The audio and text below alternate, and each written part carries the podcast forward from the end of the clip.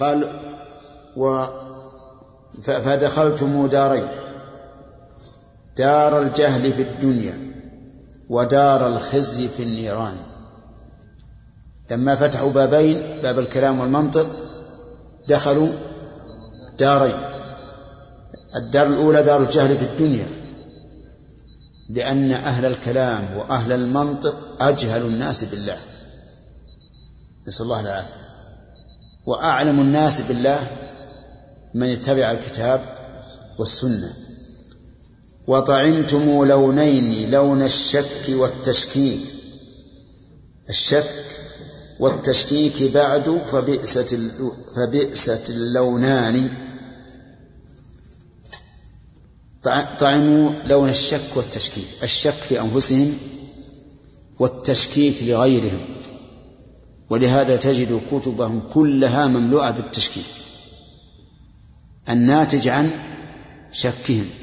تجد كتب أهل السنة ككتب شيخ الإسلام وابن القيم كلها مملوءة باليقين والاستدلال والإيمان. نسأل الله أن يثبتنا وإياكم. نعم. فصل كفاء وما كملنا نعم. قال المؤلف رحمه الله تعالى وركبتم أمرين كم قد أهلك من أمة في سالف الأزمان. تقديم آراء الرجال على الذي قال الرسول ومحكم القرآن. طيب يعني يخاطب هؤلاء المعطلة بأنهم ركبوا أمرين أهلك الأمم في سالف الأزمان. الأمر الأول تقديم آراء الرجال على الكتاب والسنة. لقولك تقديم آراء الرجال على الذي قال الرسول ومحكم القرآن وعلى محكم القرآن. فإذا أتيتم بدليل من الكتاب والسنة قالوا قال فلان كذا وكذا. فعارضوا قول الله ورسوله بقول فلان. ويروى عن ابن عباس رضي الله عنهما أنه قال يوشك أن تنزل عليكم حجارة من السماء. أقول قال رسول الله. وتقولون قال أبو بكر وعمر. تقولون قال أبو بكر وعمر. فهذا أبو بكر وعمر إذا عارض أحد قول رسول الله صلى الله عليه وسلم بقولهما فإنه يوشك أن تنزل عليه حجارة من السماء.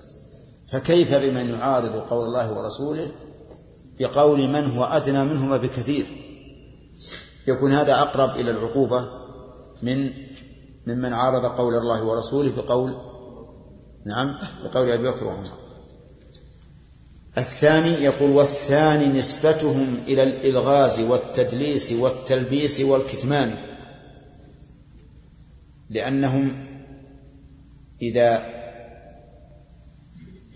عطل النصوص عن المراد بها صارت النصوص في ظواهرها تلبيسا والغازا وليست دالة على الهدى في ظاهرها وإنما تدل على الضلال على زعمهم لأنهم إنما أولوها ظنا منهم أنها تستلزم التشبيه فأولوها لهذا السبب. ومكرتم مكرين لو تما لكم لتفصمت فينا عرى الإيمان. ما هما؟ قال أطفأتم نور الكتاب وسنة الهادي بذا التحريف والهذيان. لكنكم أوقدتم للحرب نارا بين طائفتين مختلفان. نعم. آه، هم مكروا مكرين. أطفأوا نور الكتاب والسنة وأوقدوا نار الحرب بين الطوائف بين طائفتين مختلفان. هذا غريب من المؤلف لكنه رحمه الله يأتي مرة بالك الكلام على لغة ومرة على لغة. فهنا مثلا بين طائفتين أعرب المثنى على الإعراب المشهور أنه يجر ها؟ بالياء. ثم قال مختلفان ها؟ صفة لطائفتين لكنها بالألف بناء على لغة من يلزم المثنى الألف مطلقا. فيه بعض العرب يلزم المثنى الألف مطلقا ومنه قول الشاعر يا ليت عيناها لنا وفاها ولو مشى على المشهور لقال عينيها طيب. والله يطفيها بأل والله يطفيها بألسنة الأولى قد خصهم بالعلم والإيمان. مطفيها بالمين أي نعم. والله مطفيها بألسنة الأولى قد خصهم بالعلم والإيمان. ولا شك أن الذين أوقدوا الحرب بين الأمة بهذه التحريفات والتعطيل أنهم أوقدوها ولكن الله أطفأها بألسنة الأولى يعني الذين قد خصهم بالعلم والإيمان. والله لو غرق المجسم في دم التجسيم من قدم إلى الآذان فالنص أعظم عنده وأجل قدرا أن يعارضه بقول فلان. الله أكبر. يعني المجسم على زعمهم يقول لو غرق في دم التجسيم من القدم إلى من قدمه إلى أذنه لكان النص عنده أعظم من أن يعارضه بقول فلان. يعني فقولوا ما شئتم. لا يهمنا أن ترمونا بالتجسيم وأن تجعلوا وأن تجعلون من من من القدم إلى الآذان مجسمة. لا يهمنا هذا. لن نقدم قول أحد على قول الله ورسوله. ثم قال فصل في كسر الطاغوت الذي نفوا به صفات ذي الملكوت والجبروت. فما هو الطاغوت؟ أصل الطاغوت من الطغيان وهو مجاوزة الحد. وأنت وأنتم تعرفون أن الطاغوت فيه تاء زائدة. لأنه إذا كان من الطغيان فأصول الحروف طاء وغين وياء. التاء زائدة. وتزاد التاء في آخر الكلمة للمبالغة أحيانا. كما في قولهم فلان, فلان علامة. علامة أي كثير العلم. إن إبراهيم كان أمة. أي إماما. لكنه أهل للإمامة. فما هو الطاغوت؟ قال أهون بذا الطاغوت. لا عز اسمه. طاغوت ذي التعطيل والكفران. أهون به. هذا صيغة تعجب يعني ما أهونه. ومثل هذه الصيغة قوله تعالى أسمع بهم وأبصر يوم يأتوننا يعني ما أسمعهم وما أبصرهم يوم يأتوننا وقول لا عز اسمه أي لا ارتفع وغلب. طاغوت ذي التعطيل والكفران. كم من أسير بل جريح بل قتيل تحت ذا الطاغوت في الأزمان. يعني أن هذا الطاغوت كان منه الأسرى وكان منه الجرحى وكان منه القتلى فترقى المؤلف رحمه الله من الأهون إلى الأعظم. وترى الجبان يكاد يخلع قلبه من لفظه تبا لكل جبان. ترى الجبان يكاد يخلع قلبه من هذا اللفظ. ثم قال تبا أي خسارا لكل جبان. وترى المخنث حين يقرع سمعه تبدو عليه شمائل النسوان.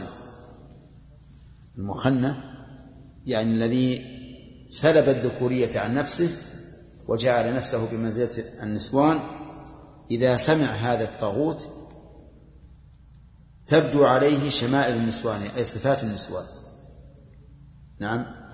ويظل منكوحا لكل معطل ولكل زنديق أخي كفران. يعني أنهم يجعلونه بمنزلة المرأة يهينونه بالنكاح. وترى صبي العقل يفزعه اسمه. صبي العقل يعني الذي عقله صغير لم يشتد يفزعه اسمه كالغول حين يقال للصبيان. الغول وحشب الصبيان. وقد تراه يجيك الهول. ونحن عندنا في لغتنا نقول يجيك الللوه. نعم؟ كلام هذا معناه. يوحش به وهو ليس له أصل. نعم؟ كفران هذا الاسم لا كفران هذا الاسم لا سبحانه أبدا. وسبحان العظيم الشان. المؤلف بالأول قال لا عز اسمه وقال أهون به وهنا صرح بأنه كافر بهذا الطاغوت. وأنه لا ينزهه ولا يعظمه ولا يراه شيئا. وسبحان العظيم الشان. كم ذا التترس كم ذا التترس بالمحال أما ترى قد مزقته كثرة السهمان. نعم. يعني كم تتس... كم تترسوا بهذا؟ المحال. ولكن سهمان أهل الحق تخرقه وتمزقه. طيب ما هو هذا الذي يتكلم عنه المؤلف حتى جعلنا نشتاق ونتطلع؟ ما هذا الطاغوت؟ استمع. قال جسم وتش وتجسيم وتشبيه. أما تعيون من فشر ومن هذيان هذا هو هذا الطاغوت. إذا قلت إن الله استوى على العرش وضع يديه على رأسه متعجبا مستنكرا أعوذ بالله جسم على جسم. نعم. إذا قلت يأتي أعوذ بالله جسم اتق الله. خف الله. لا تصف الله بالتجسيم. صبي العقل. إيش؟ يتوحش من هذا. والجبان يهرب منه. يقول إذا أعوذ بالله أنا لا لا أجسم. هل إذا قلت استوى على العرش يكون مجسم؟ قال نعم. قال أعوذ بالله من ذلك. إذا أبلغني جزاك الله خيرا. ما معنى استوى على العرش؟ قال معناها استولى. علشان إيه؟ عشان ما يجسم لأنه لأنه لعب به. قال أنت إذا أثبتت هذا صرت مجسما وصرت من أهل التجسيم والتشبيه. الإنسان الذي ليس عنده إدراك صغير العقل يظن أن هذا كلام أن هذا الكلام حقيقة. فيتوقف ويقول أعوذ بالله من التجسيم ومن كل شيء يستلزم التجسيم. ثم ينكر الصفات التي أثبتها الله نفسه بهذه الحجة الباطلة. إذا ابن القيم بين لنا بعد أن جعلنا نشتاق إلى معرفة هذا الطاغوت بأن الطاغوت هو إيش؟ التجسيم الغارة على أهل السنة بالتجسيم. هنا والله أعلم. نعم؟ الجبروت من من صيغة المبالغة مثل مثل الطاغوت من الجبر.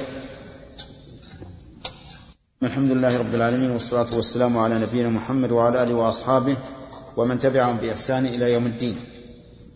سبق لنا أن المؤلف رحمه الله ذكر أن أهل التعطيل ارتكبوا طاغوتا طاغوتا اعتدوا به على أهل السنة والجماعة واستطالوا به على النصوص.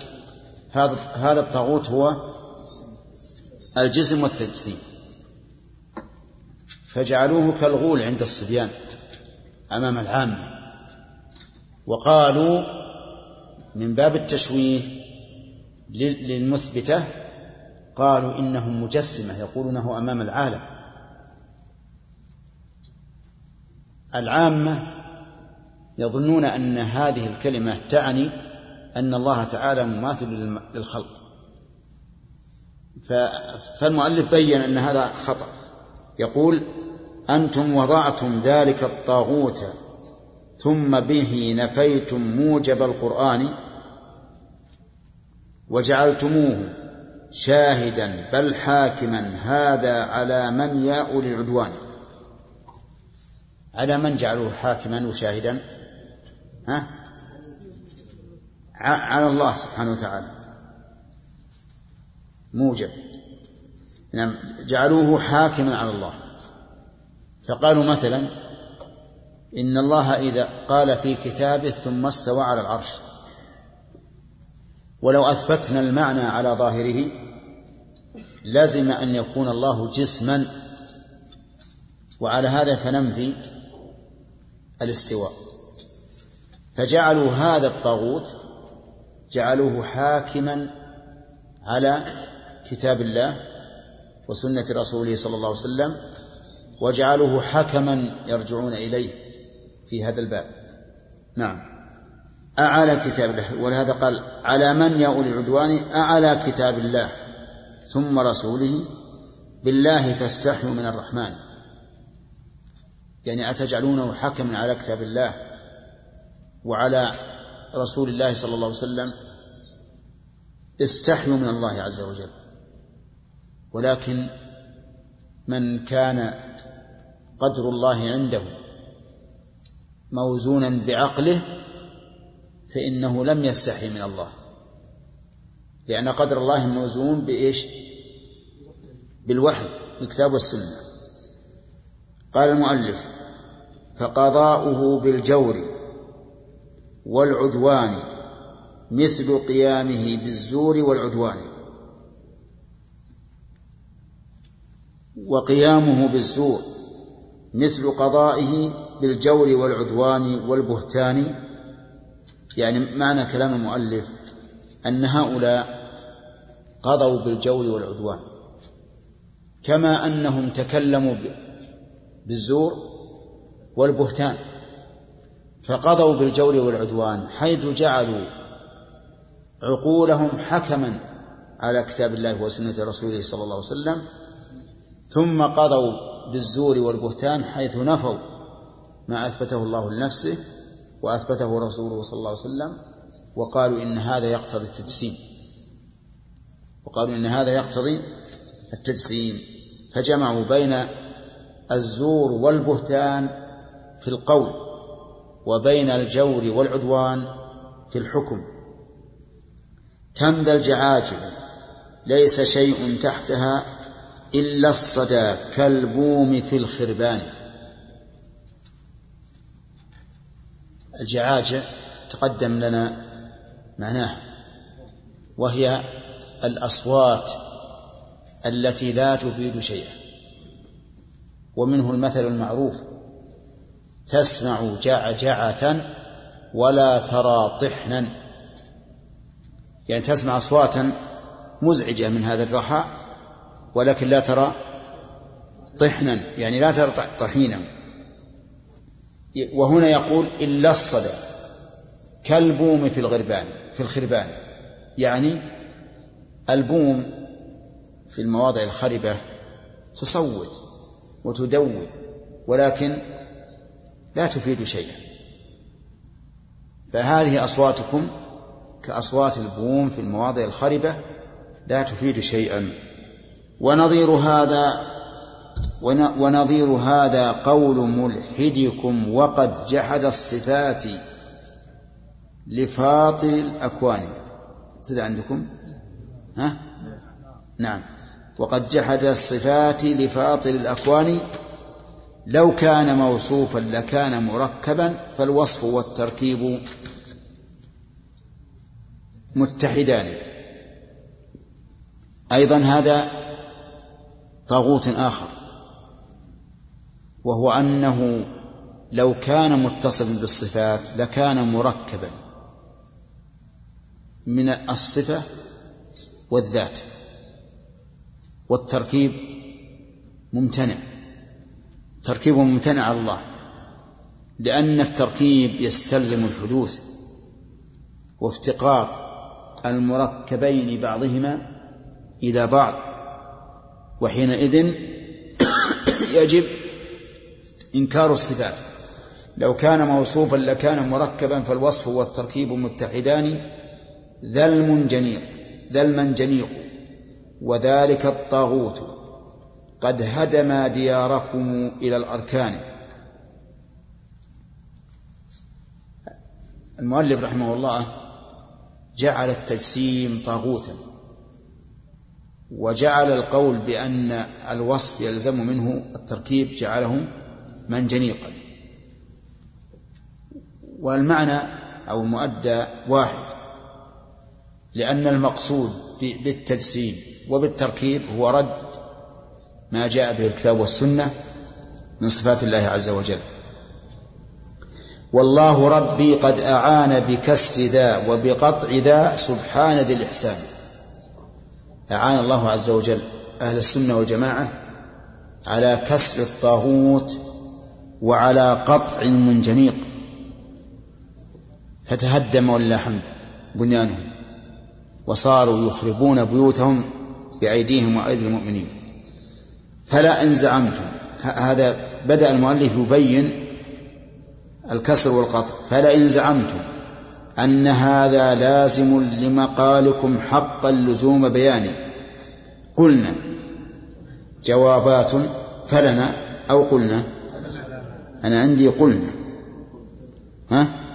عندكم قلنا؟ اجعلوها نسخة. نسخة. فلنا.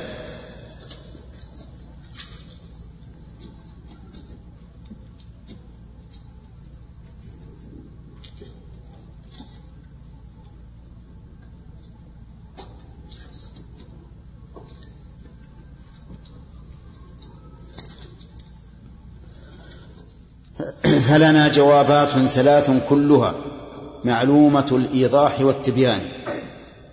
الأول منع اللزوم. منع اللزوم. كيف منع اللزوم؟ يعني إذا قالوا إنه يلزم من ثبوت الصفة أن يكون جسم نقول لا يلزم بس فقط. لأنه ليس عندهم إلا دعوة.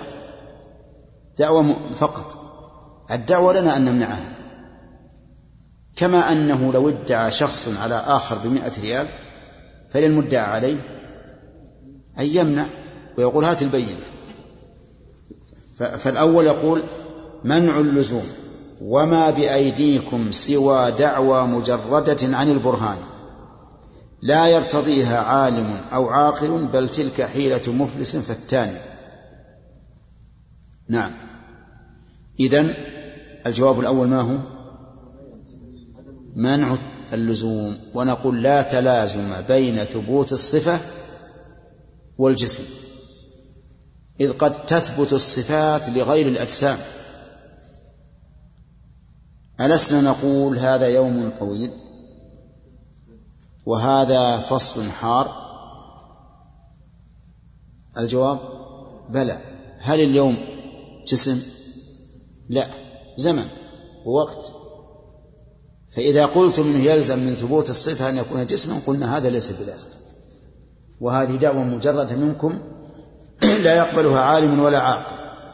فلئن زعمتم أن منع لزومه منكم مكابرة على البطلان فجوابنا الثاني امتناع النفي فيما تدعون لزومه ببيان. نعم.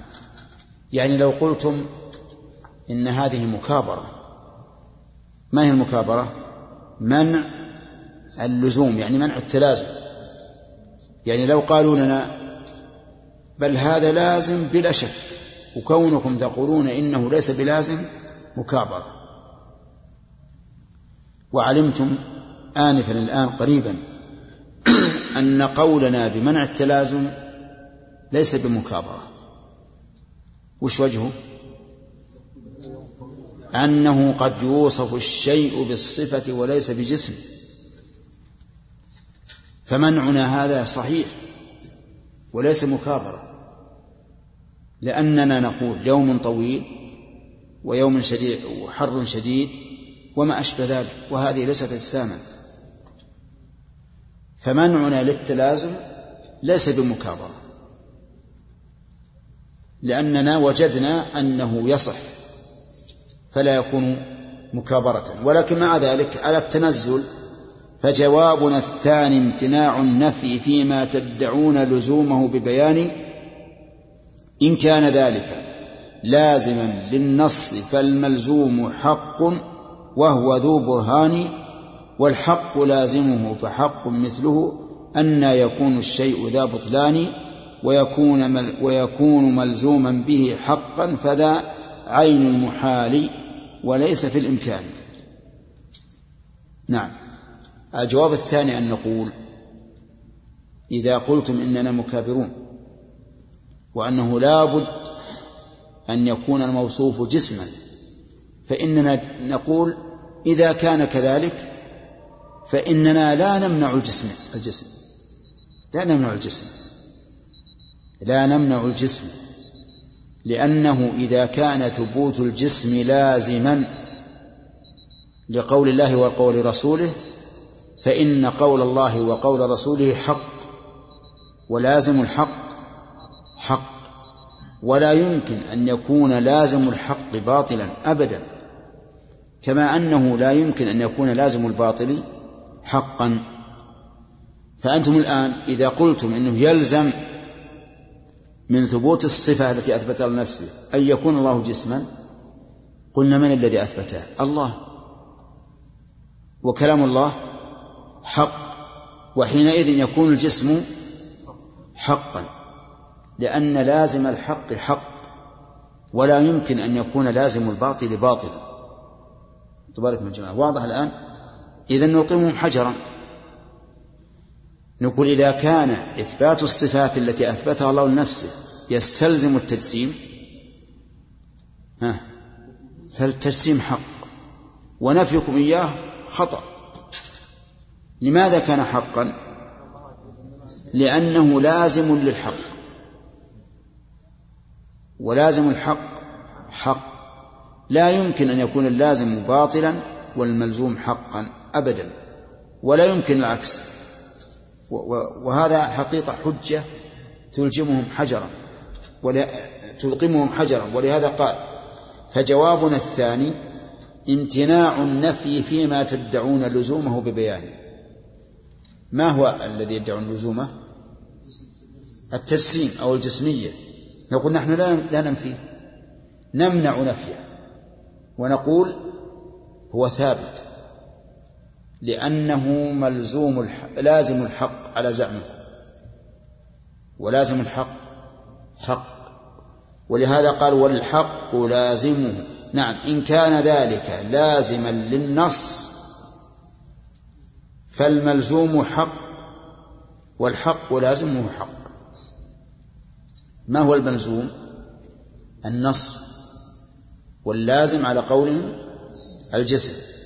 إن كان ذلك لازما للنص فالملزوم وهو النص حق وهو ذو برهان والحق لازمه فحق مثله. أن يكون أن يكون الشيء ذا بطلان ويكون ملزوما به حقا. ها؟ وين الملزوم؟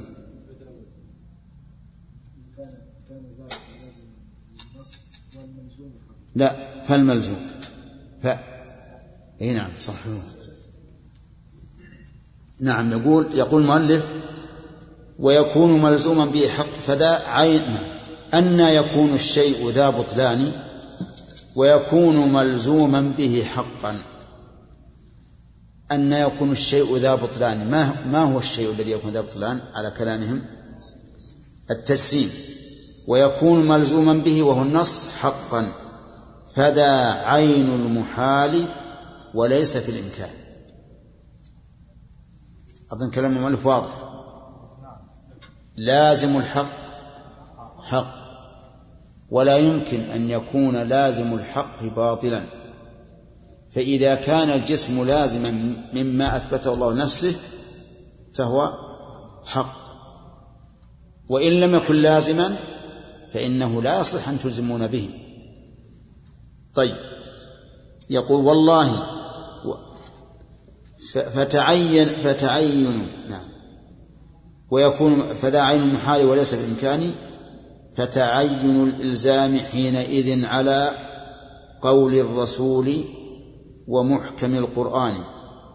وجعلتم أتباعه إيش؟ ها؟ أي وش بعد؟ ما إيش؟ واحد ناس تشتبه هذه الأصوات الآن. ها؟ إيه خوفا من التصريح والكفران. وجعلتم ما تستر. شوف الشرح. ما هي واضح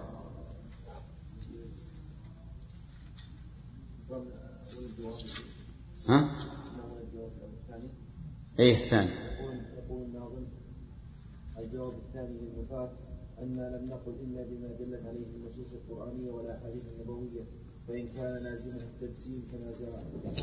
فإن كان لازمه التجسيم كما زعمتم فإذا صح ذلك فالملزوم حق لأننا لم نتبع إلا ما دل عليه كتاب الله وسنة رسوله صلى الله عليه وسلم لأنه من المحال أن يكون الشيء باطلا في نفسه وتكون ملزوماته حقا. فتعين إلزامكم حينئذ على قول الرسول ومحكم القرآن وأنهما لم يدلا إلا على على التجسيم والتشبيه فرميتم أتباع الرسول بالتشبيه والتجسيم والتركيب تسترا وهذا معنى قوله ما تسترا. هذا من هذا ابن عيسى. الهراس يقول يا شيخ فجعلتم هذه المقالة جنة ووقاية؟ ها في إيش؟ الهراس يقول فجعلتم هذه المقالة جنة ووقاية لكم من الطعن في النصوص نفسها. هذا بيجي. يحتاج أن نتامل ما مو ظاهر حتى وجعلتم اتباعه ما تسترون خوفا يعني شيخ. يقول خوفا من أنكم إذا نسبتم. وهذا معنى قوله ما تسترا. أي خوف خوفا من أنكم إذا نسبتم الكتاب والسنة إلى التشبيه والتجسيم. نسبتم إلى الكفر والضلال وإلا فالمثبتة نسبتم إلى الكفر والضلال وإلا فالمثبتة لم يقولوا إلا بما قاله الله ورسوله لكن جعلتم تشنيعكم على أتباعه جنة وصد وقصدكم مفهوم والله أعلم. التركيب وجعلتم أتباعه ما تسترا في البيت لا عندي أنباءه بعد. أو أنباءه كل واحد. ميزان واحد. على كل حال ثم الآن تبين أن قولهم هذا باطل. الأول الجواب الأول إيش؟ عدم اللزوم. أن نمنع اللزوم. ونقول هذا مجرد دعوة فعليكم الدليل. الثاني سلمنا جدلا أنه لازم فإذا كان لازما على قول الله وقول رسوله فهو حق. لأن لازم الحق حق وحينئذ يلزمكم أن تقولوا به. ونحن إذا قلنا به فليس علينا حرج. بقي الجواب الثالث إن شاء الله بعد.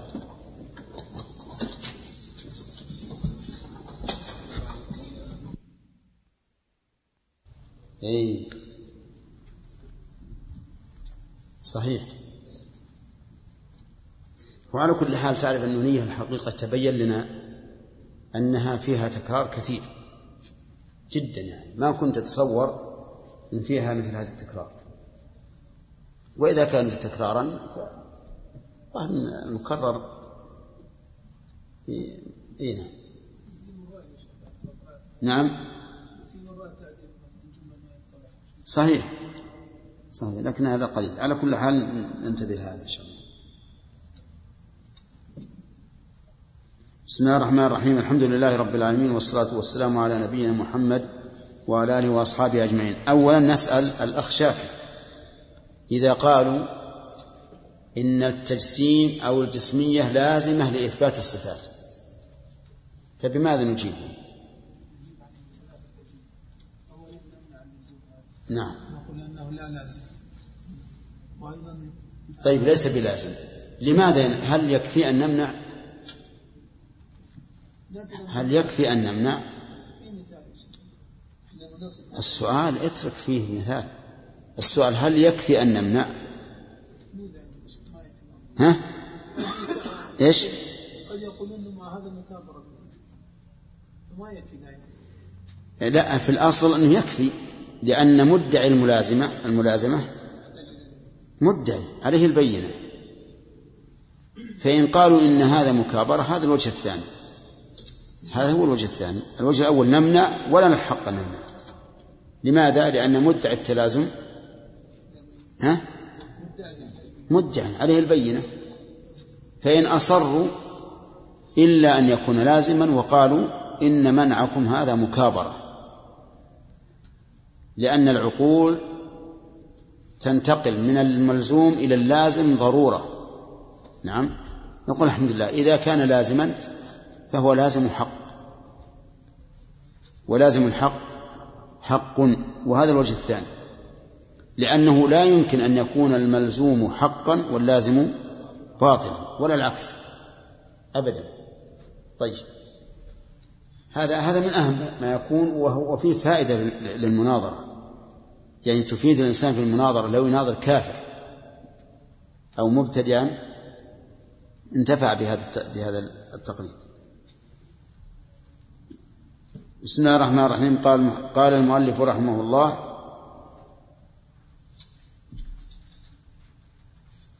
فتعين الإلزام حينئذ على قول الرسول ومحكم القرآن وجعلتم أتباعه ما تسترى خوفا من التصحيح والكفران. نعم. هذه الكلمة التي أعيتني ها ماذا قلت؟ نسترى كجعفر. زاهد فارسي وجوسي في زمان الكسر. شلون؟ اسم اسم. اسم زاهد فارسي وجوسي في زمان الكسر. إيه. هل يستقيم هنا؟ وجعلتم أي ما تسترى. يعني جعلتموه جعلتموه أتباع هذا الرجل؟ لكن لماذا قال خوفا من التصريح بالكفران ها؟ جعلتموه مثل هذا الرجل هذا كاتب ونحن لا نحكم خوفا وجعلتم الآن الخطاب للمعطلة جعلتم أتباعه أتباع من؟ ها؟ أتباع الرسول ما تسترى خوفا من التصريح والكفران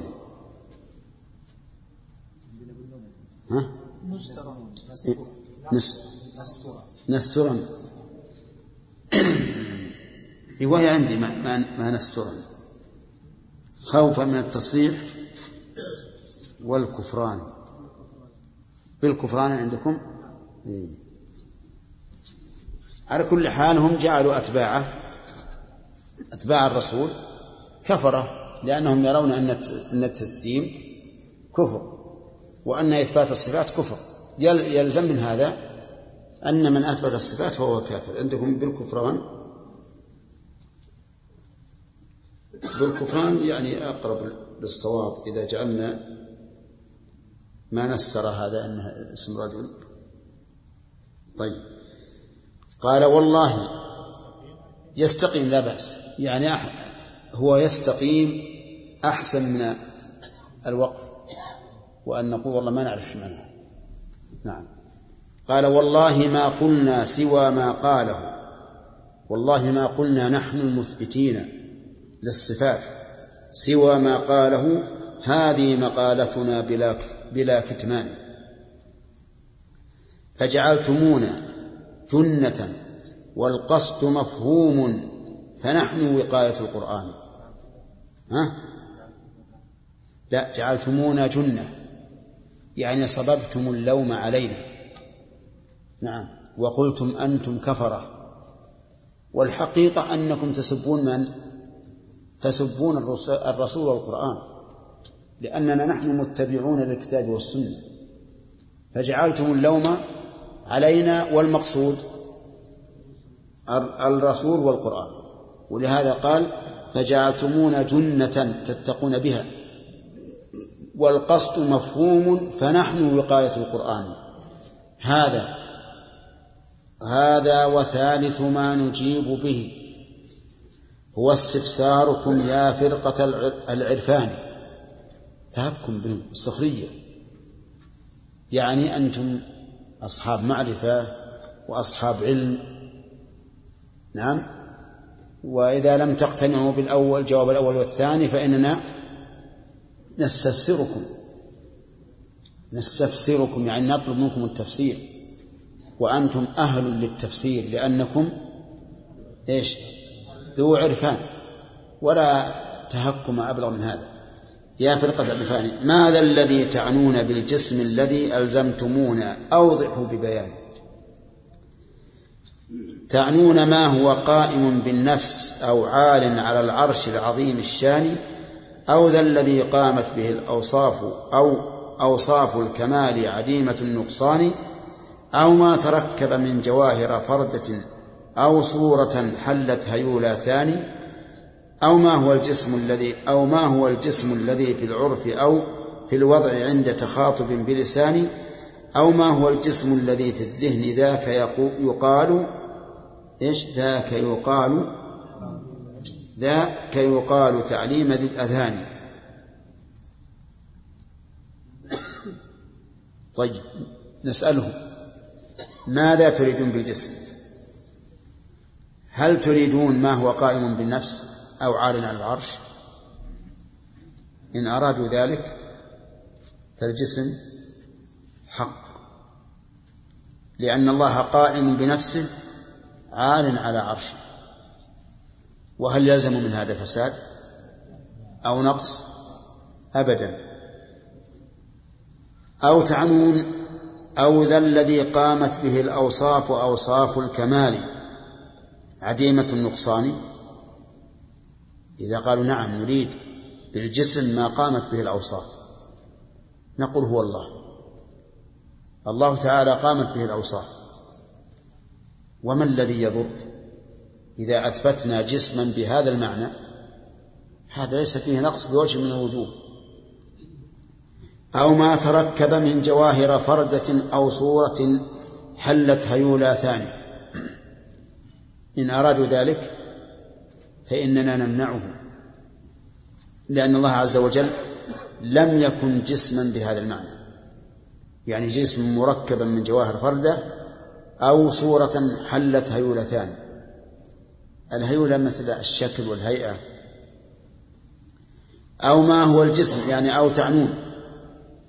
ما هو الجسم يعني تعنون الجسم الذي في العرف أو في الوضع عند تخاطب باللسان. الجسم عند الناس الجسم عند الناس جسد الإنسان. الجسم بالوضع قد يكون أعم. كل ما له ثقل. نعم الوضع يعني اللغة العربية. إذا أطلق الوضع عند العلماء في أصول الفقه أو غيرها فالمراد بالوضع يعني اللغة العربية. بالعرف يعني لغة أهل العرف. أو ما هو الجسم يعني أو تعنون الجسم الذي في الذهن. ذاك يقال تعليم ذي الأذهان. ما أدري ما ها؟ لذي؟ شوف الشرح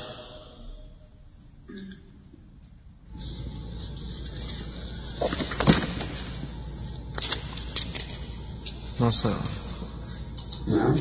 ما تتكلم شيخ ما تتكلم أبدا الرسول يقول به الجسم الكلي الموجود في الأذهان والذي يقال له الجسم التعليمي.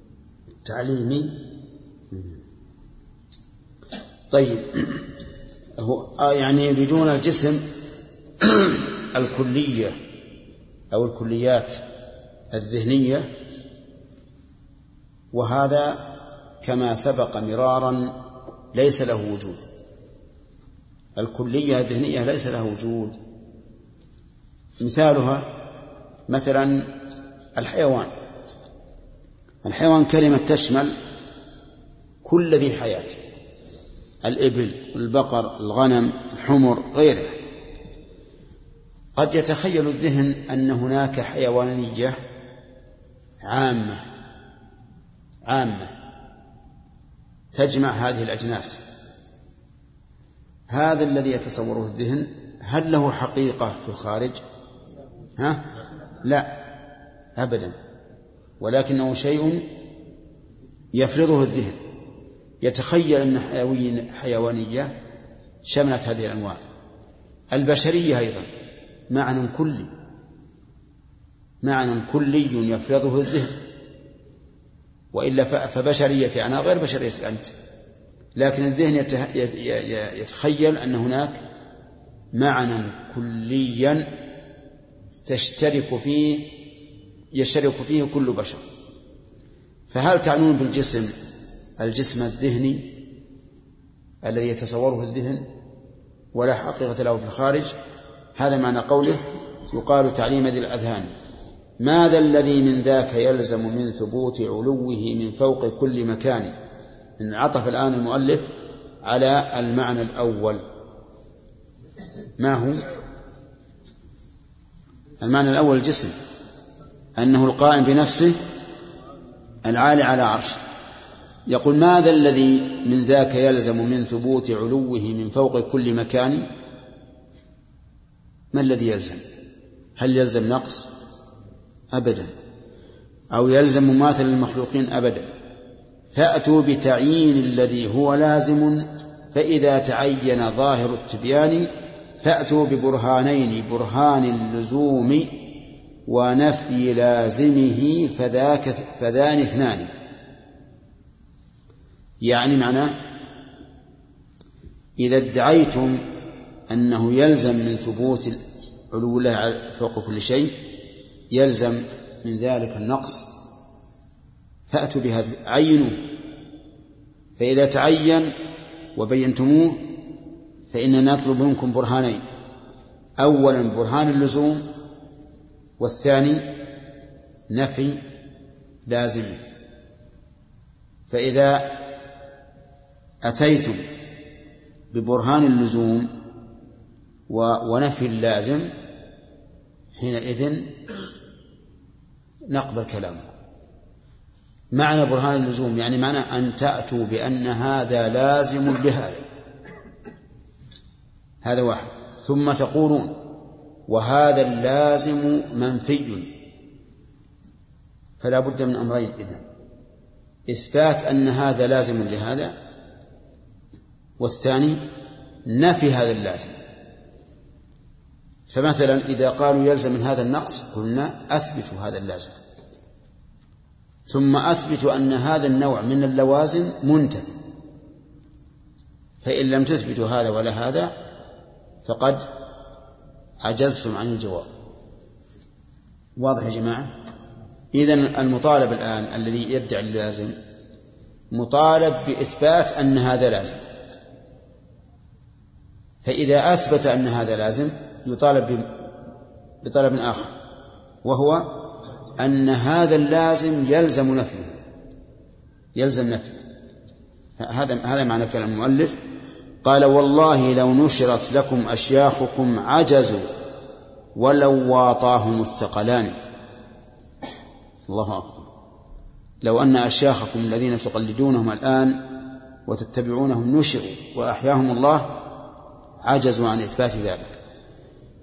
إن كنتم أنتم فحولا فابرزوا ودعوا الشكاوى حيلة النسوان.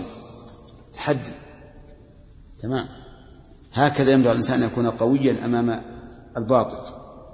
يقول إن كنتم شو...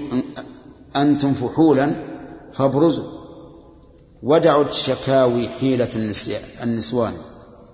لأن أعداء أهل السنة والجماعة أكثر ما يعتمدون على الشكاوي على السلاطين والخلفاء. يشكون هذا للخليفة يقول هذا أضل الناس هذا فعل هذا فعل هذا فعل ثم الخليفة جاهل يأمر بحبسه يأمر بجره في الأسواق في ذيول الخيول أو البغال أو ما أشبه ذلك كما فعل المأمون في في الإمام أحمد. نعم. وإذا وإذا اشتكيتم فاجعلوا الشكوى إلى الوحيين لا القاضي ولا السلطان. صحيح. هل الإنسان المحق أن يذهب إذا عجز عن مقاومته وعن مناظرته يذهب إلى القاضي أو إلى الحاكم السلطان؟ هذا يدل على ضعفه. إذا كان صادقا فليتفضل. هذا القرآن وهذا السنة. فالشكوى إلى القرآن والسنة لا إلى القاضي والسلطان.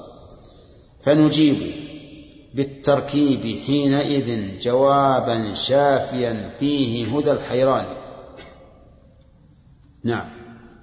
نجيب بتركيب يعني بجواب مركب. بجواب مركب. مركب من إثبات ومن ونفي كما سيبينه. فنجيب بالتركيب يعني بجواب مركب هذا معنى قوله بالتركيب. حينئذ جوابا شافيا فيه هدى الحيران الحق إثبات الصفات. هذا هذا واحد. ونفيها عين المحال وليس في الإمكان. هذه القاعدة.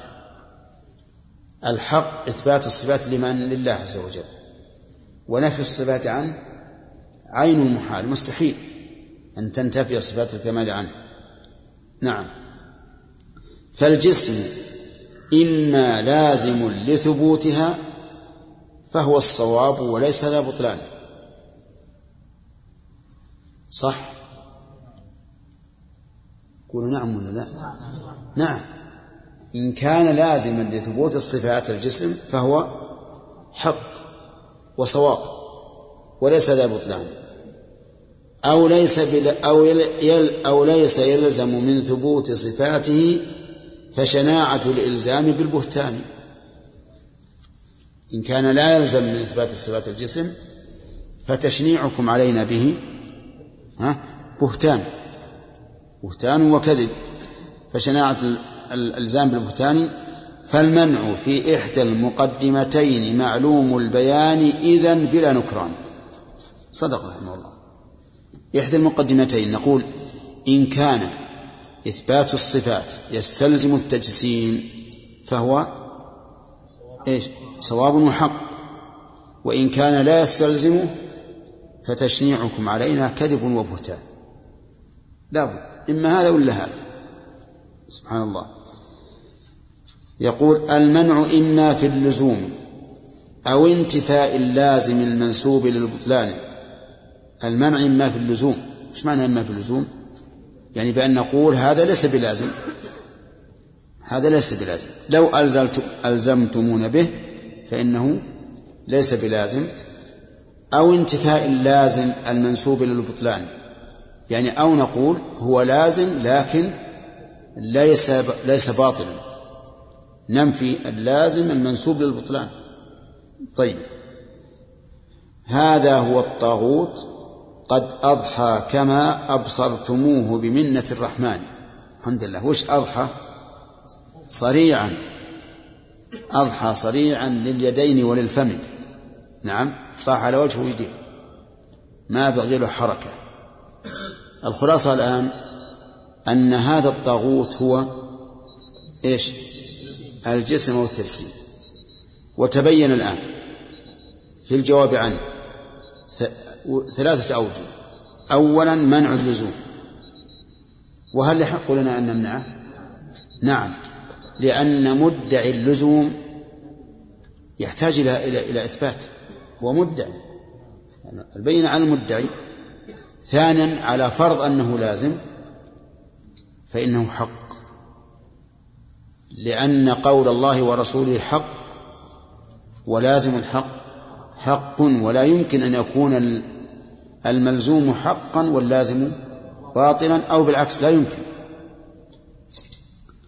الجواب الثالث التفصيل. نقول ماذا تعنون بالجسم؟ إن أردتم بالجسم القائم بنفسه العالي على على خلقه الكامل في صفاته نعم إن أردتم بالجسم القائم بنفسه العالي على خلقه الكامل في صفاته فنحن نقر وليس فيه شيء. ما الذي يلزم؟ وإن أردتم بالجسم المركب من الهيولة والصورة وما أشبه ذلك أو من الجواهر الفردة فإننا نمنع ذلك. ونقول هذه حجة لا لا لا نلتزم بها. ثم قال فصل في مبدأ العداوة الواقعة بين المثبتين الموحدين وبين النفاة المعطلين.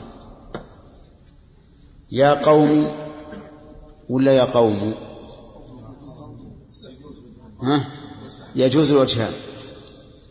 يجوز أن تراعي المحذوف فتقول يا قومي وأن تنوي القطع عن الإضافة تقول يا قوم. يا قوم ولكن الذي في القرآن؟ ها؟ مراعاة المحذوف. يا قوم لم تؤذونني؟ طيب. يقول يا قوم تدرون العداوة بيننا من أجل ماذا في قديم زماني؟ يعني هل تعلمون ما, ما سبب العداوة التي كانت بيننا من قديم الزمان؟ إنا تحيزنا إلى القرآن والنقل الصحيح مفسر القرآن وكذا إلى العقل الصريح وفطرة الرحمن قبل تغير الإنسان. هي أربع متلازمات متلازمات بعضها قد صدقت بعضا على ميزان. هذه أربعة أشياء. تحيزنا إلى القرآن وهو كلام الله. والنقل الصحيح عن من؟ عن رسول الله صلى الله عليه وسلم الذي يفسر القرآن. والثالث العقل الصريح. العقل الصريح معناه السالم من الشبهات والشهوات. الشبهات التباس الحق على الإنسان والعياذ بالله. بحيث لا ينجلي له الحق. وهذا يقع كثيرا. لا ينجلي للإنسان الحق وسببه الذنوب. سببه الذنوب. انظر إلى الذي قال إذا تتلى عليه آيات الله يقول هذه أساطير الأولين. قال الله تعالى كلا ليس كأساطير الأولين بل ران على قلوبهم ما كانوا يكسبون. فمنعتهم أن يروا الحق حقا نسأل الله العافية. الثاني إيش؟ الشهوات يعني الميل والإرادة. ما هي شهوة الجنس؟ شهوة الجماع لا. الشهوات الميل والإرادة. يعني يكون الإنسان عنده علم لكن عنده سوء قصد. عنده سوء قصد ما يريد الحق. يتبع هوى نفسه. فما هو العقل الصريح؟ السالم من الشبهات والشهوات. سالم من الشبهات يعني عنده علم. والشهوات يعني عنده إرادة حسنة. والخلل يأتي إما من من الأول وإما من الثاني. ولذلك لا تجد أحدا خالف الحق إلا لقصور في فهمه أو نقص في علمه أو تقصير في طلبه أو سوء في قصده هذه أسباب قصور الإنسان أو أسباب عدم العلم. طيب الرابع يقول وفطرة الرحمن قبل تغير الإنسان. الفطرة السليمة تؤيد العقل الصريح والنقل الصحيح والقرآن. الفطرة السليمة. وقوله قبل تغير الإنسان أشار رحمه الله إلى الحديث الثابت عن النبي عليه الصلاة والسلام كل مولود يولد على الفطرة فأبواه يهودانه أو ينصرانه أو يمجسانه. هذه يقول المؤلف رحمه الله هي أربع متلازمات. ما هي الأربع يا جماعة؟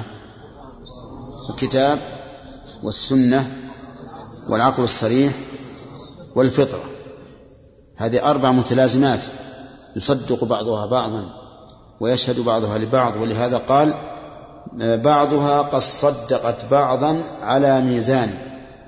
والله ما اجتمعت لديكم هذه أبدا كما أقررتم بلساني إلى آخره. والله أعلم.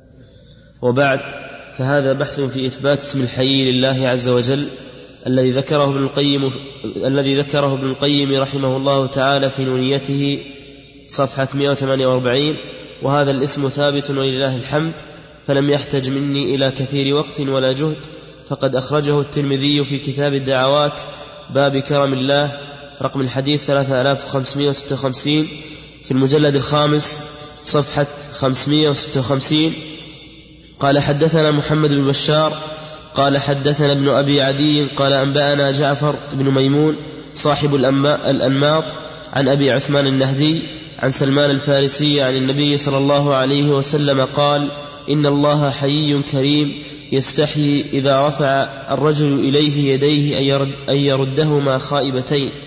قال الترمذي هذا حديث حسن غريب وروى بعضهم ولم يرفعه.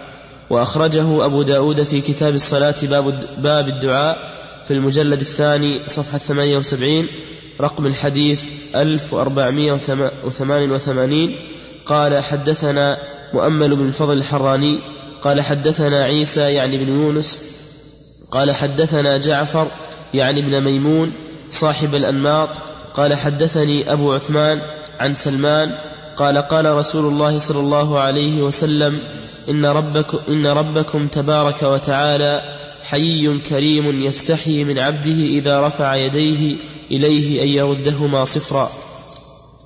وكذلك رواه ابن ماجه في سننه في كتاب الدعوات باب رفع اليدين في الدعاء في المجلد الثاني رقم الباب ثلاث عشرة صفحة ثلاثة آلاف وأربعمائة ثلاثة آلاف ومائتين واحد سبعين قال حدثنا أبو بشر أبو بكر بن خلف.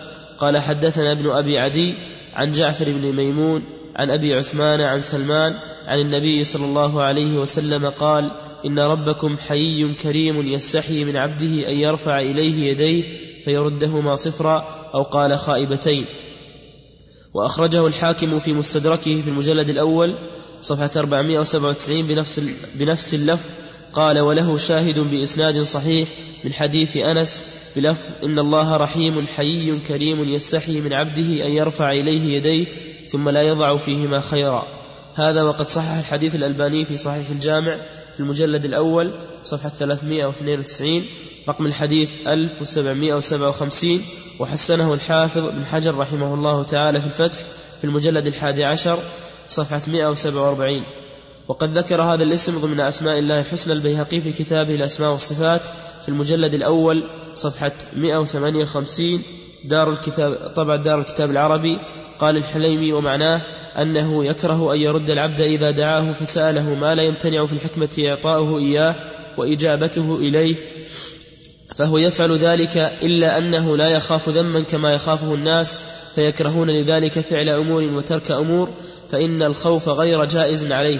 وذكره شيخنا حفظه الله في كتابه القواعد المثلى في صفات الله وأسمائه الحسنى في الصفحة السادسة عشرة ضمن الأسماء التي ثبتت بالسنة وقال في التعليق على القواعد إنه مأخوذ من الحياء. قال صاحب عون المعبود في المجلد الرابع صفحة 359 ما نصه؟ حيي فعيل أي مبالغ في الحياء وفسر في حق الله بما هو الغرض والغاية وغرض الحيي من الشيء تركه والإباء عنه لأن الحياء تغير وانكسار من خوف ما يعاب ويذم بسببه وهو محال على الله لكن غايته فعل ما يسر فعل ما يسر وترك ما يضر أو معناه معاملة المستحي. ولكن الصحيح أن نصف ونسمي الله سبحانه وتعالى بما وصف وسمى به, نفسه, به نفسه في كتابه أو وصفه به رسوله صلى الله عليه وسلم ولا يلزم من تسميته بالحي ذل وانكسار كما يحصل بعض البشر بل هو حياء يليق, يليق بجلاله سبحانه وتعالى من غير تشبيه بالمخلوقين ومن غير تكييف. والله أعلم. وصلى الله وسلم على نبينا محمد وعلى آله وصحبه أجمعين. جيد. هذا يضاف إلى درسية. تاخذه ولا ولا تعطينا صورة؟ نعم أقول الأحاديث ما في دليل على أن الإنسان يفضل له أن يرفع يديه في غير الاستسقاء والسفر هذا هو الأصل.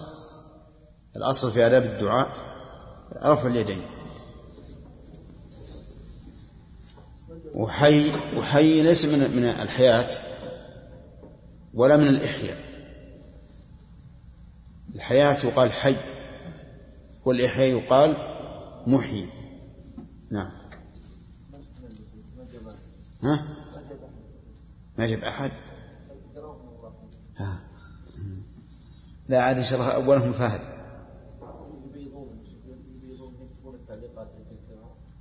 اي نعم نعم. صحيح. لا البحث هذا جيد ما شاء الله ما يحتاج إلى تعليق طيب جدا. من أحسن ما ما سمعنا. الشيخ ما بقوله تعالى وهو لا. يستدل بقوله إن يستدل لثبوت صفة الحياء بقوله إن الله لا يستحيي أن يضرب مثلا وبقوله والله لا يستحيي من الحق. نبدأ الآن درس الدرس الجديد في النونية. يقول رحمه الله فصل في مبدأ العداوة الواقعة بين المثبتين الموحدين وبين النفاة المعطلين. المثبتين الذين يثبتون الصفات والمعطلين الذين ينفون الصفات. يا قوم تدرون العداوة بيننا من أجل ماذا في قديم زمان؟ يعني ما هو سبب العداوة بين المثبتين والمعطلين؟ لأن كل عداوة لا بد لها من سبب والأسباب متعددة.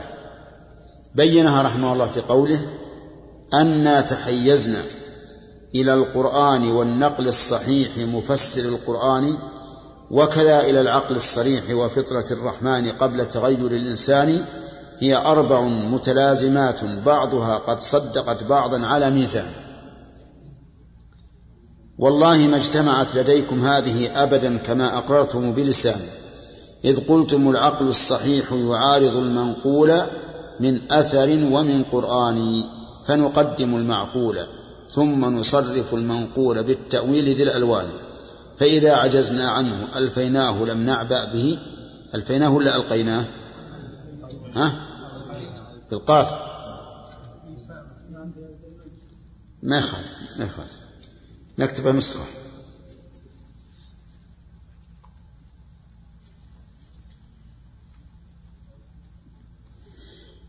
ألقيناه لم نعبأ به قصدا إلى الإحسان ولكم بذا إلى آخره يقول إن هذه الأربع التي اعتمدنا عليها في إثباتنا لا توجد لديكم وقد سبق شرحها.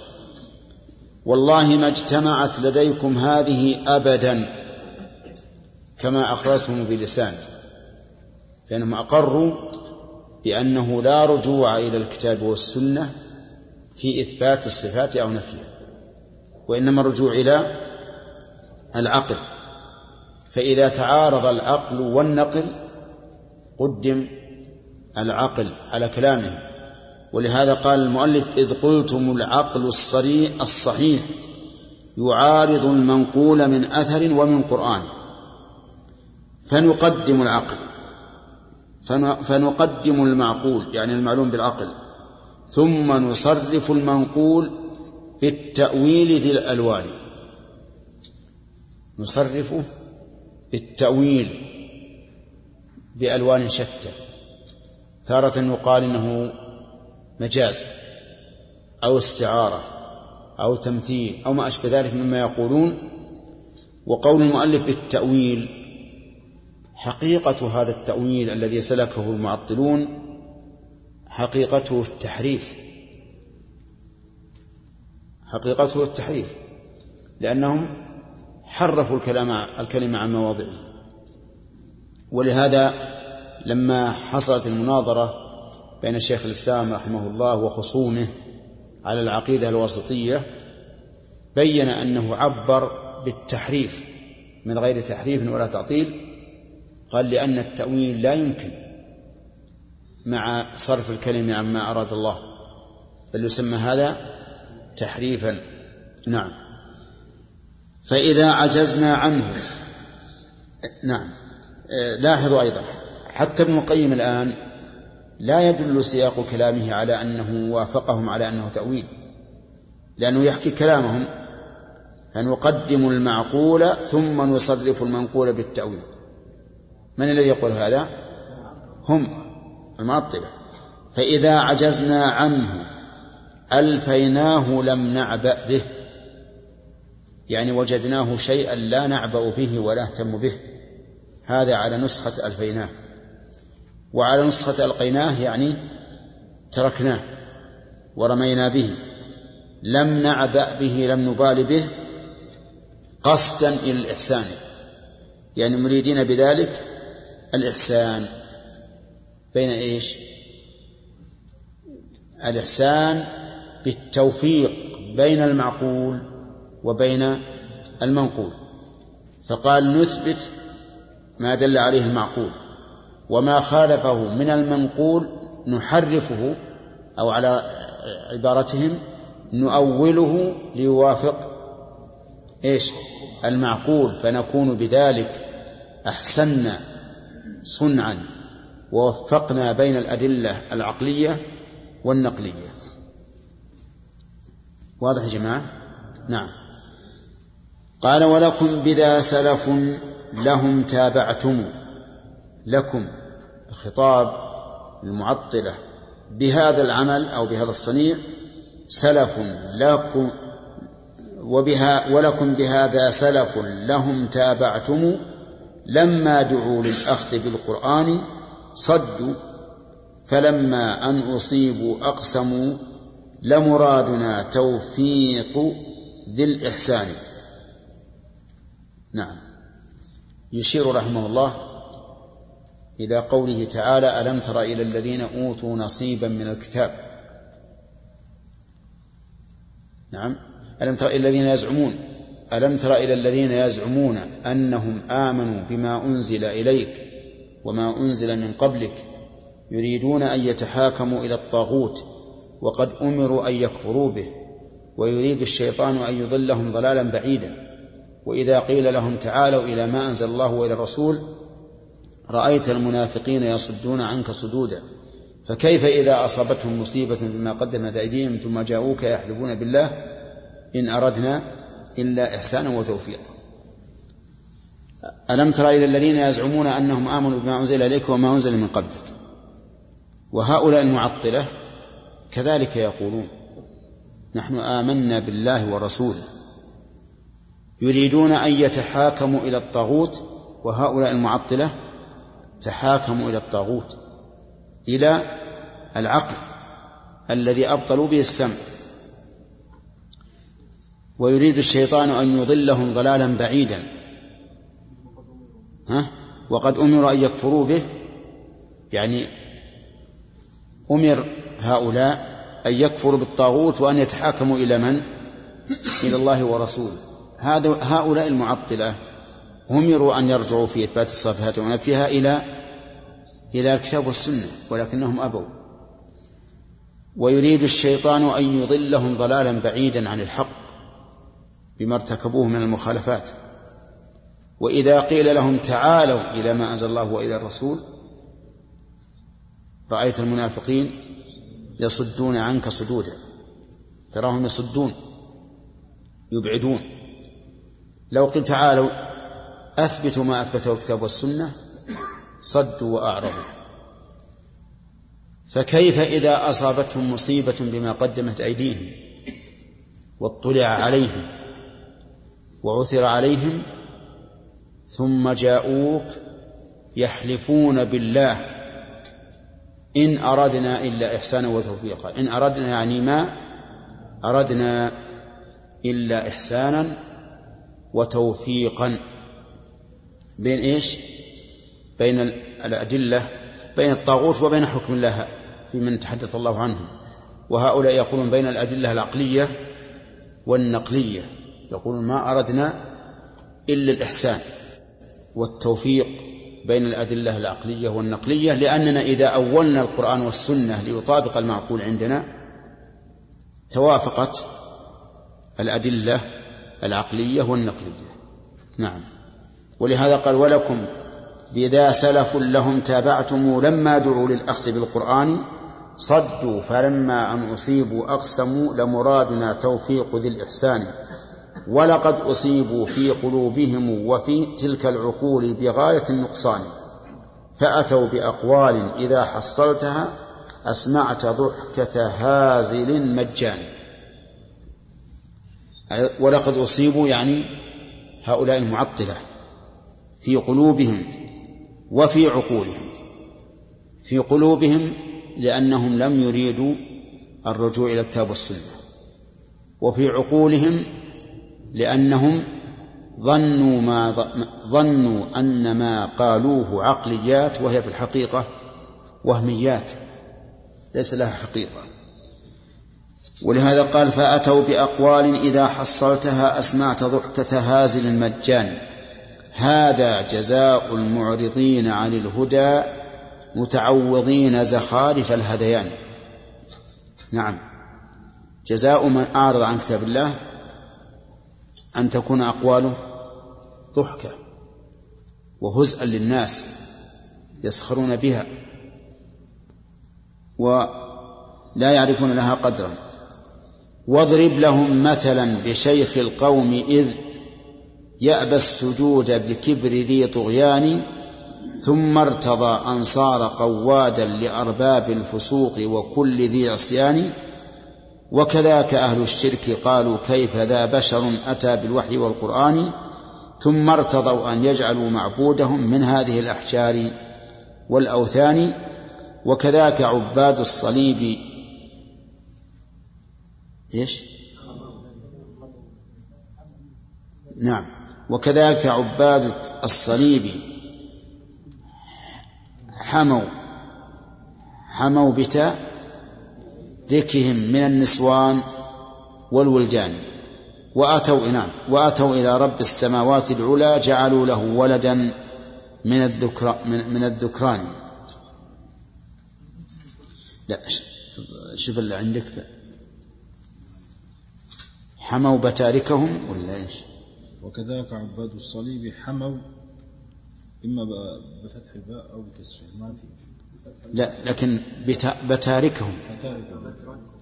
ها؟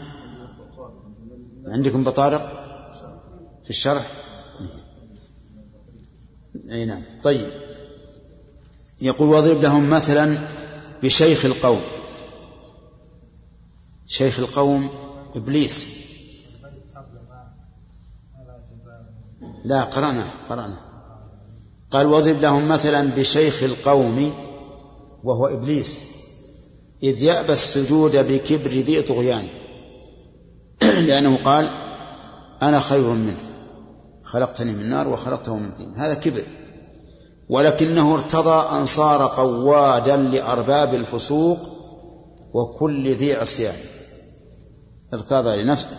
لم يذل لله لكنه صار قوادا لأهل الفسق والعصيان.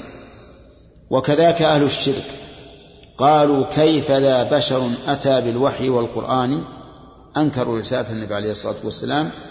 ثم ارتضوا أن يجعلوا معبودهم من هذه الأحجار والأوثان. نعوذ بالله؟ يعني كل إنسان يخالف الحق لا بد أن يأتي بما يضحك العقلاء. هؤلاء لم ينقادوا للبشر قالوا كيف يكون رسول وهو بشر؟ لكنهم لم يقولوا كيف يكون معبودا وهو حجر. رضوا بأن يكون معبودهم حجرا ولم يرضوا أن يكون رسولهم بشرا. طيب ثم وكذاك عباد الصليب حموا بتاركهم من النسوان والولدان.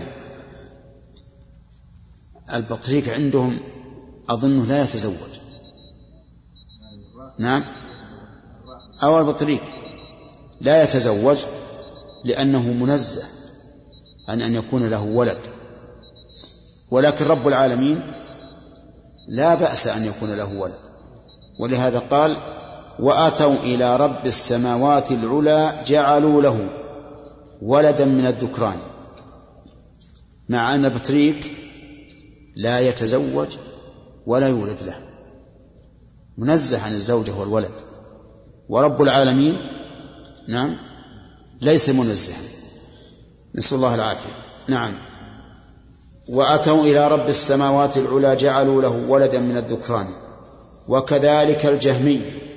نزه ربه عن عرشه من فوق ذي الأكوان حذرا من الحص الذي في ظنه أو أن يرى متحيزا بمكان فأصاره عدما وليس وجوده متحققا في خارج الأذهان. شوف الجهمي قال إن الله منزه عن أن يكون فوق العرش. لماذا؟ لأنه إذا كان فوق العرش صار محدودا على محدود. فهو إذن محصور. أو صار متحيزا في مكان. وهذا أيضا عندهم ممتنع. ولهذا أو أن يرى متحيزا لمكان فأصاره عدما. فقال هو لا فوق العالم ولا تحته ولا يمين ولا شمال ولا متصل ولا منفصل. نعم ولا مباين ولا محايث وش صار؟ ها؟ عدم.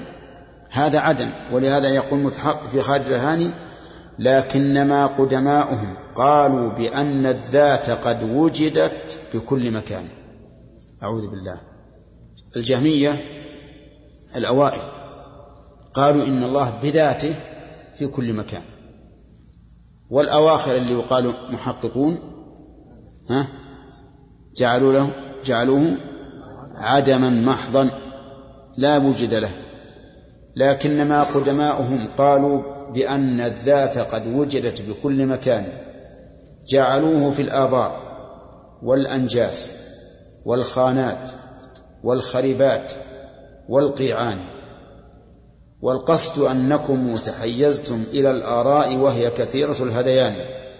فتلونت بكم فجئتم أنتم متلونين عجائب الألوان. الله أكبر. صدق رحمه الله. تحيزوا إلى الآراء فتلونوا قدماؤهم أثبتوا في كل مكان ومتأخروهم نفوه عن كل مكان. تلون عجيب لأنهم يتبعون ما يدعونه عقليات وهي وهميات. ولهذا قال فتلونت بكم بكم فجئتم أنتم متلونين عجائب الألوان وعرضتم قول الرسول على الذي قد قاله الأشياخ عرض وزان. يعني عرضتم قول الرسول على أقوال الشيوخ عرض موازنة لا عرض مفاضلة. لو عرضوه عرضا مفاضلة وقالوا الفضل لقول الرسول لكان هذا إيش؟ صحيحا أو لا؟ لو عرضوا قول الرسول على قول اشياخهم عرض مفاضلة على أن الفضل لقول الرسول. لكان هذا حقا. لكن عرضوه عرض موازنة ثم فضلوا أقوال شيوخهم. هذا المشكل أيضا. نعم؟ كيف؟ لا. متلونين عجائب الألوان. إي نعم خطأ. وعرضتم قول الرسول على الذي قد قاله الأشياخ عرض وزان وجعلتم أقوالهم ميزان ما قد قاله والقول في الميزان. ها؟ العدل؟ العدل أحسن. ها؟ وجعلتم أقوالهم ميزان ما قد قاله والعدل في الميزان. نصفه.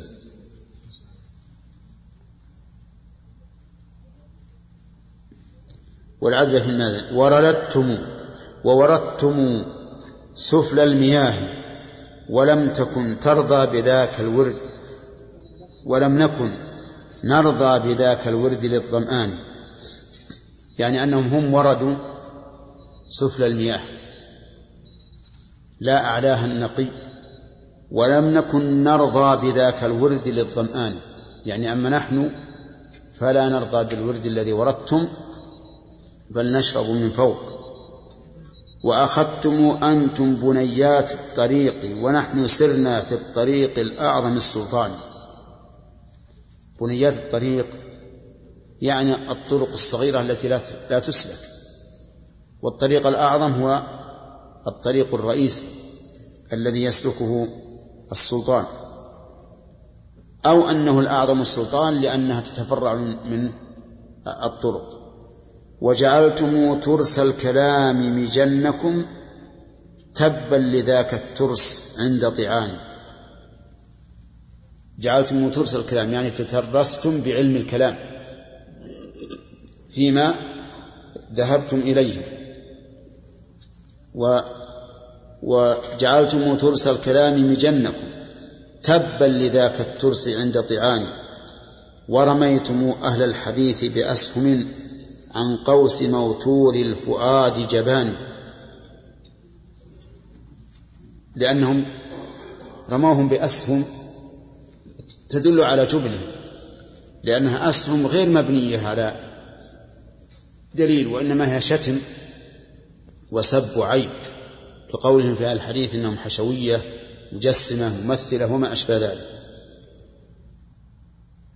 الله إنه ما يمدينا نكمل نعم. إيش؟ كيف؟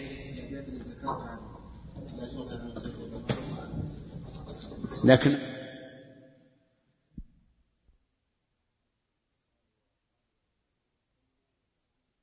آله وأصحابه أجمعين. أظننا وجعلتم ترس الكلام مجنكم ها؟ نعم. وجعلتم ترس الكلام مجنكم تبا لذاك الترس عند طعانه ورميتم أهل الحديث بأسهم عن قوس موتور الفؤاد جبان رموا أهل الحديث بأسهم لكنها صادرة عن قوس رجل موتور الفؤاد جبان. وإذا كان هكذا فإن هذه السهام لا تجري شيئا. من الأسهم التي رموا بها أهل الحديث أنهم قالوا إنهم مجسمة. إنهم قالوا إنهم مجسمة وأنهم حشوية وأنهم نوابت وما أشبه ذلك. لكن هل هذا الوصف بالسوء يقلب الحق باطلا؟ ها؟ لا. ولهذا حاول أعداء الرسل أن يصفوا دعوتهم بكل سوء بالشعر والكهانة والجنون وما أشبه ذلك ولكن ذلك لم يؤثر شيئا. فكونهم يقولون نحن مجسمة نقول الله إذا كان إثبات صفات ربنا عز وجل تجسيما فنحن مجسمة وأهلا بالتجسيم. نعم. يقول أفتاركوه لفشركم ومحالكم؟ لا كان ذاك بمنة الرحمن. أفتاركوه يعني الوحي. ها؟ كيف؟ نعم. فتترسوا بالوحي والسنن التي تتلوه نعم الترس للشجعان. أهل السنة وأهل الحديث تترسوا بالوحي كتاب الله وسنة رسوله صلى الله عليه وسلم. يقول المؤلف نعم الترس للشجعان. الترس قوي والحامل شجاع. هو ترسهم. هو ترسهم والله من عدوانكم والترس يوم البعث من نيران. ما شاء الله. يعني أنه ترس لأهل الحديث الوحي. يعني أن الوحي ترس خل السياق بعدين. يعني أن الوحي ترس. لأهل الوحي في الدنيا وفي الآخرة. في الدنيا من عدوان هؤلاء. لأنهم إذا احتجوا إذا احتجوا علينا بما يرونه معقولا احتججنا عليهم بما هو منقول. وهذه العلوم لا تدرك إلا بالنقل. أما اليوم الثاني فهو يوم البعث ترس من النيران. لأن من أثبت لله ما وصف به نفسه فقد أنجى نفسه من التعطيل. أفتاركوه لفشلكم ومحالكم؟ لا كان ذاك بمنة الرحمن. نعم.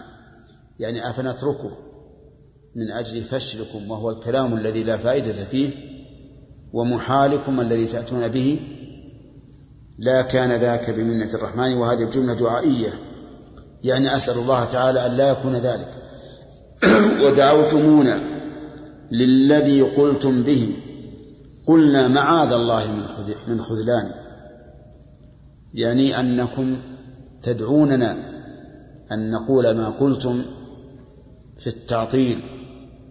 ونحن نعوذ بالله من الخذلان. لأن نزول الإنسان إلى ما كان عليه هؤلاء المعطلة لا شك أنه من من أكبر الخذلان. نسأل الله العافية. فاشتد ذاك الحرب بين فريقنا وفريقكم وتفاقم الأمران. نعم. وتأصلت تلك العداوة بيننا من يوم أمر الله للشيطان. نعم. نعم. من يوم أمر الله للشيطان بسجوده فعصى وعارض أمره بقياسه وبعقله الخوان. هذا تشبيه جيد. يعني أن العداوة بيننا وبينكم من ذاك الوقت. من حين عصى الشيطان لربه حين أمره بالسجود. والأمر بالسجود اعتماد على وحي ونقل. عورض هذا الأمر بماذا؟ بقياس باطل ومعقول موهوم. قال الشيطان لما أمره أن يسجد لآدم قال أنا خير منه. خلقتني من نار وخلقته من طين. وقال هؤلاء لما قال الله عز وجل لما خلقت بيدي قالوا ليس لله يد. هذا محال. والمراد باليد القدرة. استوى على العرش. قالوا محال أن يستوى على العرش. ولكن المراد باستوى استولى. فعارضوا المنقول بالمعقول كما عارض إبليس المنقول بما يراه عقلا بالمعقول عنده وليس بعقل. فأتى التلاميذ الوقاح وعارضوا أخباره بالفشل والهذيان. تلاميذ من؟ تلاميذ الشيطان إبليس. عارضوا أخبار الله التي أخبر بها عن نفسه وأخبر بها عنه رسوله بالفشل والهذيان. ومعارض للأمر مثل معارض الأخبار هم في كفرهم صنوان. معارض للأمر وهو إبليس. لأن الله أمره فعارض الأمر. كمعارض الأخبار هؤلاء عارضوا الأخبار. هم في الأوامر لم يعارضوا. يصومون ويزكون ويصلون ويحجون ويأمرون بالمعروف وينهون عن المنكر. لكن في الأخبار عارضوا الأخبار المنقولة بالأوهام المعقولة. طيب من عارض الم... من عارض المنصوص بالمعقول قد؟ ها؟ كيف؟ نعم نعم. من عارض من عارض المنصوص بالمعقول قدما أخبرونا يا أولي العرفان. قدما يعني من سلف هذه الأمة. هل أحد من سلف هذه الأمة عارضوا المنقول بالمعقول؟ وقالوا عقولنا لا تصدق بهذا؟ أبدا. هاتوا عن أبي بكر عن عمر عن عثمان عن علي عن ابن مسعود عن ابن عباس عن غيرهم. أبد. ما منهم أحد عارض المنقول بالمعقول أبدا. من عارض المنصوص بالمعقول قدما أخبرونا يا أولي العرفان أو ما عرفتم أنه القدري والجبري أيضا ذاك في القرآن إذ قال قد أغويتني وفتنتني لأزينن لهم مدى الأزمان فاحتج بالمقدور ثم أبان أن الفعل منه إيش؟ بغية و وزيان. لازم نشوفه بالشرح. يقول أوما عرفتم أنه القدري والجبري أيضا؟ من؟ إبليس. قدري جبري. كان جبريا حين احتج على الله بأن الله أغواه. وكان قدريا حين قال لأغوينهم وكأن الله سبحانه وتعالى ليس قادرا على منعه نعم. فصار الشيطان إبليس جامعا بين القدري بين كونه قدريا وكونه جبريا.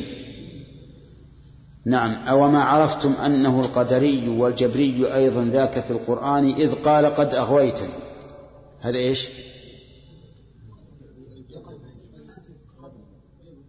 إذ قال قد أغويتني. هذا